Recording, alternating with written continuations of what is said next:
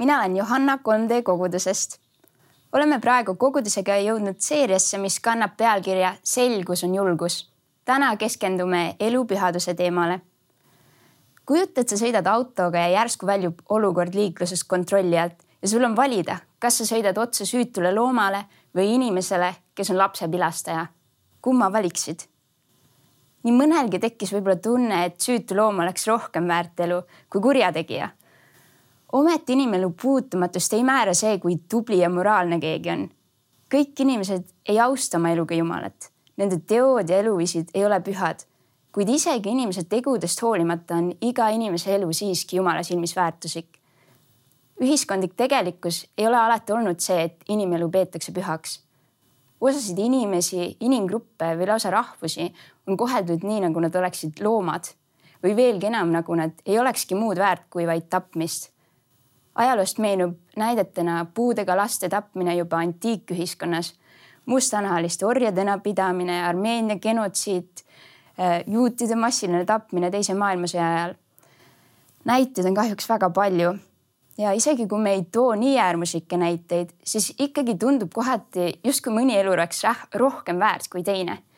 heal järjel haritud, täis elujõus inimene, kes panustab ühiskonda, on palju väärt aga oma eluga mitte hakkama saav kodutu või hooldamist vajav vanainimene justkui ühiskonna koorem.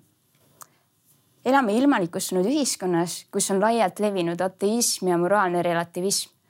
kaasaegses ühiskonnas tahetakse Jumal tihti pildilt üldse välja jätta, kuid kui enam ei usuta inimese Jumala näolisust, siis ei ole meil enam mingit alust, et öelda, et inimese elu on püha või et inimest ei peaks tapma.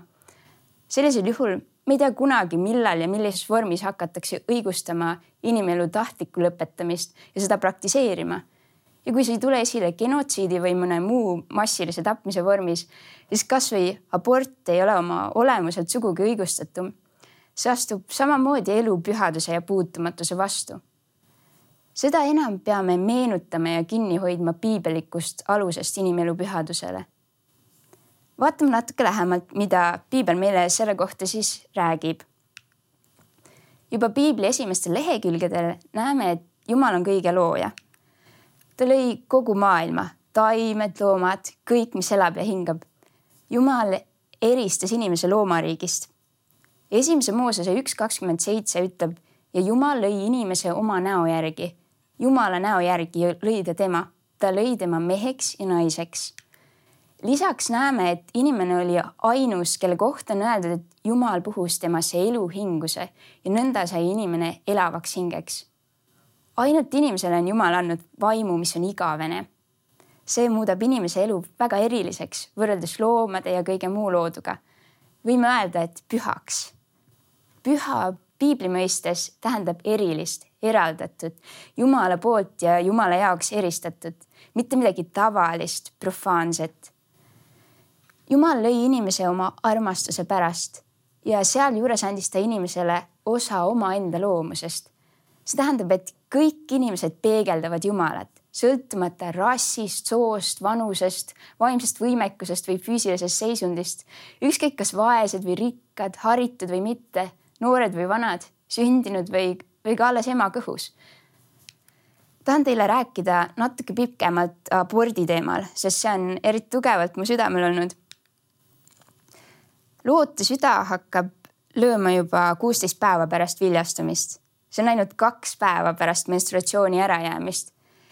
enamasti ei ole naine selleks hetkeks oma rasedusest isegi teadlik.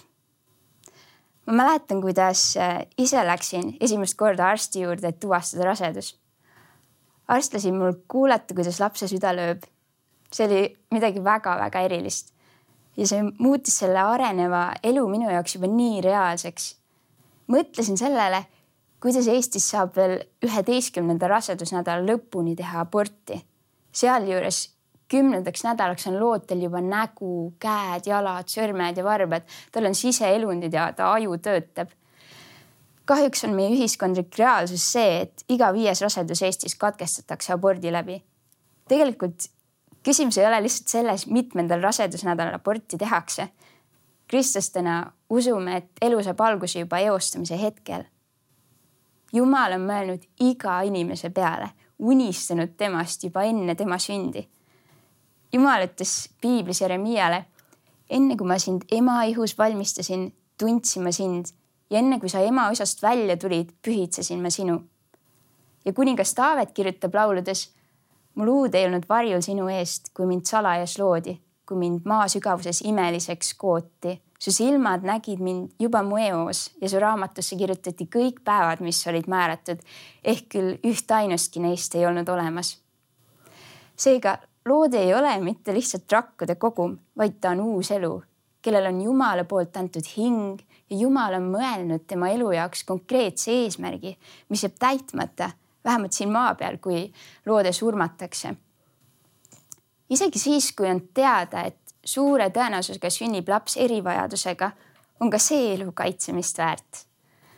mul endale üllatava näitena kuulus Itaalia laulja Andrea Bocelli on jaganud lugu, kuidas arstid soovitasid tema vanematel aborti teha, kuna arvasid, et laps sünnib puudega. Bocelli ema otsustas siiski abordist loobuda ja tõesti, Bocelli jäi juba lapsena pimedaks, kuid ta on saanud kogu maailmale pakkuda võrratut muusikat kui abort on nii põletav teema meie ühiskonnas, mida me peaksime selle osas siis ette võtma? ma usun, et lahenduseks ei ole lihtsalt see, et me moraaliüngritena üritame inimestele selgeks teha, et abort on patt ja mõistame hukka neid, kes on selle valiku oma elus teinud. peaksime hoopis astuma nende inimeste kõrvale, kes seisavad raske valiku ees ja pakkuma neile nii mitmekülgset tuge, kuigi saame et nad võiksid julgeda teha selle otsuse, et jätta sündimata laps ellu. mulle meenub, kuidas kunagi jagas üks armas noor tüdruk mulle oma õnnetut lugu. teda oli peol uimastatud olekus seksuaalselt ära kasutatud ja hiljem avastas ta, et on ilmselt rase. ta teadis väga hästi, et abordi tegemine on moraalselt vale aga hirm juhtunu ja tuleviku ees olid nii suured, et pärast rasedusest teadlikuks saamist tarbis ta meelega ohtlikult suure koguse alkoholi ja muid mürkaineid ja viis oma keha sellisesse seisundisse, et loode ise aborteerus. selliseid samme teeb inimene, kes on tõesti väga meeleheitel. mu süda oli suurt kurbust täis, kui kuulasin tema lugu. sündimata eluheaks ei saanud ma tol hetkel enam midagi teha, aga sain vähemalt olla selle noore naise kõrval tema segaduses ja süütundes ja meenutada, et Jumal on andestuse ja uute võimaluste Jumal ma usun, et enamik naisi, kes teevad aborti, ei tee seda kerge südamega ja tihti on just turvatunde ja toetuse puudumine need, mis sunnivad naisi aborti tegema.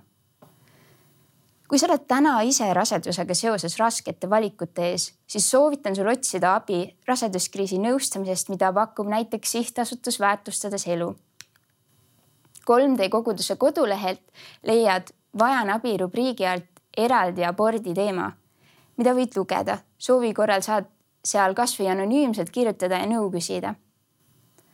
kui sa oled aga üks neist naistest, kes on juba teinud aborti, siis pöördu Jumala poole ja palu tema käest andeks ja tea, et tema tõepoolest kuuleb ja andestab. Johannese üksteist kakskümmend viis ütleb Jeesus, mina olen ülestõusmine ja elu, kes minusse usub, see elab, isegi kui ta sureb seega on meil Jeesuse poole pöördudes ja meelt parandades see lootus, et saame sündimata jäänud eluga kohtuda ja taevas koos olla igaveseks eluks. kui sa oled aga inimene, kellel enda elus on asjad hästi, siis otsi võimalusi, kuidas olla toeks mõnele, kellel on raske. kui vaja, siis kasvõi majanduslikult või muul viisil toetades. igaühe meie südameasi peaks olema kaitsta elu pühadust ja puutumatust olgu see siis veel sündimata elu või juba sündinud elu. hiljuti saime näiteks 3D emade grupiga aidata üht noort ema, kes oli otsustanud oma lapse ilmale tuua, kuigi majanduslikult ja sotsiaalselt oli ta raskes olukorras. saime talle anda lapse tulekuks vajalikud riided ja asjad. see on võib-olla väike asi, mida teha, aga kasvõi selliste väikeste sammude kaupa saame oma tegudega edasi anda sõnumi, et, et iga elu on väärtuslik. lisaks abordi teemale on ühiskonnas elu puutumatuse küsimus väga, väga aktuaalne seoses elu lõpu ja eutanaasiaga. väga raske on kõrvalt vaadata kedagi, kes tõsiselt kannatab. eriti kui see kannataja on sulle kallis ja lähedane inimene. kannatused on inimkonna pattu langemise tulemus ja mõnes mõttes on loomulik, et tahame seda vältida. samas inimese kannatuste lõpetamine eutanaasia läbi on vastuolus Jumala printsiipidega. eutanaasia on tahtlik elu lõpetamine inimesel, kes kannatab ravimatu haiguse käes. sageli nimetatakse seda ka halastussurmaks, kuid piibli valgel ei saa tapmine olla mitte kunagi halastust osutavaks vahendiks siinjuures on oluline välja tuua, et eutanaasia ei ole sama, mis otsus eemaldada parandamatult haige inimene teda elus hoidvate aparaatide alt või lõpetada ravi, mis ei too tulemusi. viimaste näol on see otsus mitte kunstlikult elu pikendada. eutanaasia on aga meelevaldselt elu lõpetamine, mis muidu võinuks veel jätkuda. juba praegu on näha tendentsi, et riikides, kus on kõige pikemalt eutanaasia olnud seadustatud, on ajas järjest laiendatud piire selle osas, milliste juhtumite puhul võib eutanaasiat üldse rakendada. Belgias ja Hollandis on seadused eutanaasia osas eriti liberaalsed. aktiivset eutanaasiat võib rakendada ka laste puhul ja vaimse tervise probleemidega inimestel. see tähendab, et näiteks noorel inimesel, kellel on tõsine depressioon, on õigus abistatud enesetapule.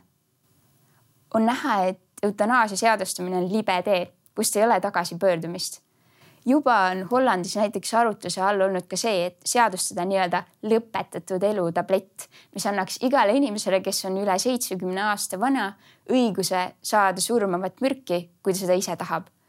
sealjuures ei oleks eelduseks isegi mitte see, et inimesel on mingi haigus, mis talle kannatusi põhjustab. kuna inimelu on püha kingitus Jumala käest, siis me ei tohiks võtta elu ei kelleltki teiselt ega iseendalt eutanaasia on vastuolus Jumala suveräänsusega, tema loodu üle. isegi kui eutanaasia on motiveeritud soovist kellegi kannatused lõpetada, siis eutanaasia oma aktiivsetes vormides on siiski patt Jumala silmis, kuna see on tehtud vastuolus Jumala tahte ja tema plaaniga. see ei tähenda, et peaksime kannatuste suhtes kuidagi eemalolevad või ükskõiksed olema. otse vastupidi, Jeesus õpetas meid sügavalt hoolima nendest, kes kannatavad, armastama oma ligimest ja astuma kannatustest tema kõrvale. peame igati püüdlema just selle poole, et leevendada kannatusi nii füüsilises kui hingelises mõttes. kui inimene kogeb oma kannatustes inimlikku lähedust ja hoolimust, seda, et tema eest kantakse armastuses hoolt ja ollakse lähedal, siis leevendab see juba iseenesest kannatust. teadusuuringud näitavad, et isegi füüsilist valu. raskete haiguste ja kannatuste puhul ei tohi me unustada ka inimelu vaimset mõõdet. inimlikult tahaks suurte valude keskel võib-olla maise elu juba jätta. aga isegi kannatuste keskel Jumal teeb tööd inimese elus ja jätkab seda kuni inimese viimse hingetõmbeni. Jumal saab ka kannatusi kasutada inimese heaks. võib-olla mõni inimene alles oma elu lõpu kannatustes hüüab appi Jumalat ja annab oma elu temale ja pääseb sellega igavesest hukatusest. teise Korintlaste neli, kuusteist kuni kaheksateist ütleb. seepärast me ei tüdi, vaid kuigi meie väline inimene kulub, uueneb seesmine inimene ometi päev-päevalt. sest see praeguse hetke kerge ahistus saavutab meile määratud suure igavese au meile, kes me ei pea silmis näh-, silmas nähtavat, vaid nähtamatut, sest nähtav on mööduv, nähtamatu aga igavene. Jumal on loonud inimese igavikuliseks olendiks ja elu maa peal ja valu ja kannatused, kui tahes suured, on vaid hetk igaviku kõrval, mille Jumal on inimese jaoks mõelnud. paar kuud tagasi jäi mul Facebookis silma ühe noore inimese postitus küsimus, mille ta oma seinale postitus, kõlas järgnevalt. kui ma oleksin raudteel ja rong peaks tulema, kas sa tõmbaksid mind ära või laseksid mul rongi alla jääda? teades tema elu lähemalt, sain aru, et see ei ole lihtsalt nalja pärast postitatud, vaid ta meeleheitlikult vajab teada, kas on üldse keegi, kes tema elust hoolib, kas üldse kedagi huvitaks, kui ta ära sureks. püüdsin talle kirjutada midagi julgustavat, ja jäin sealjuures mõtlema selle üle, kui tohutult väärtuslik on Jumala silmis iga inimelu, ükskõik kuidas inimesed ise suhtuvad iseenda või teiste eludesse. Jumal igatseb, et iga inimese elu võiks saada päästetud ja mitte ainult maises mõttes, vaid ka igavikulises mõttes. Johannese kolm kuusteist ütleb, sest nõnda on Jumal maailma armastanud, et ta oma ainusündinud poja on andnud, et ükski, kes temasse usub, ei hukkuks, vaid et tal oleks igavene elu. Jumal eristab inimest kõigist teistest oma loodu keskel.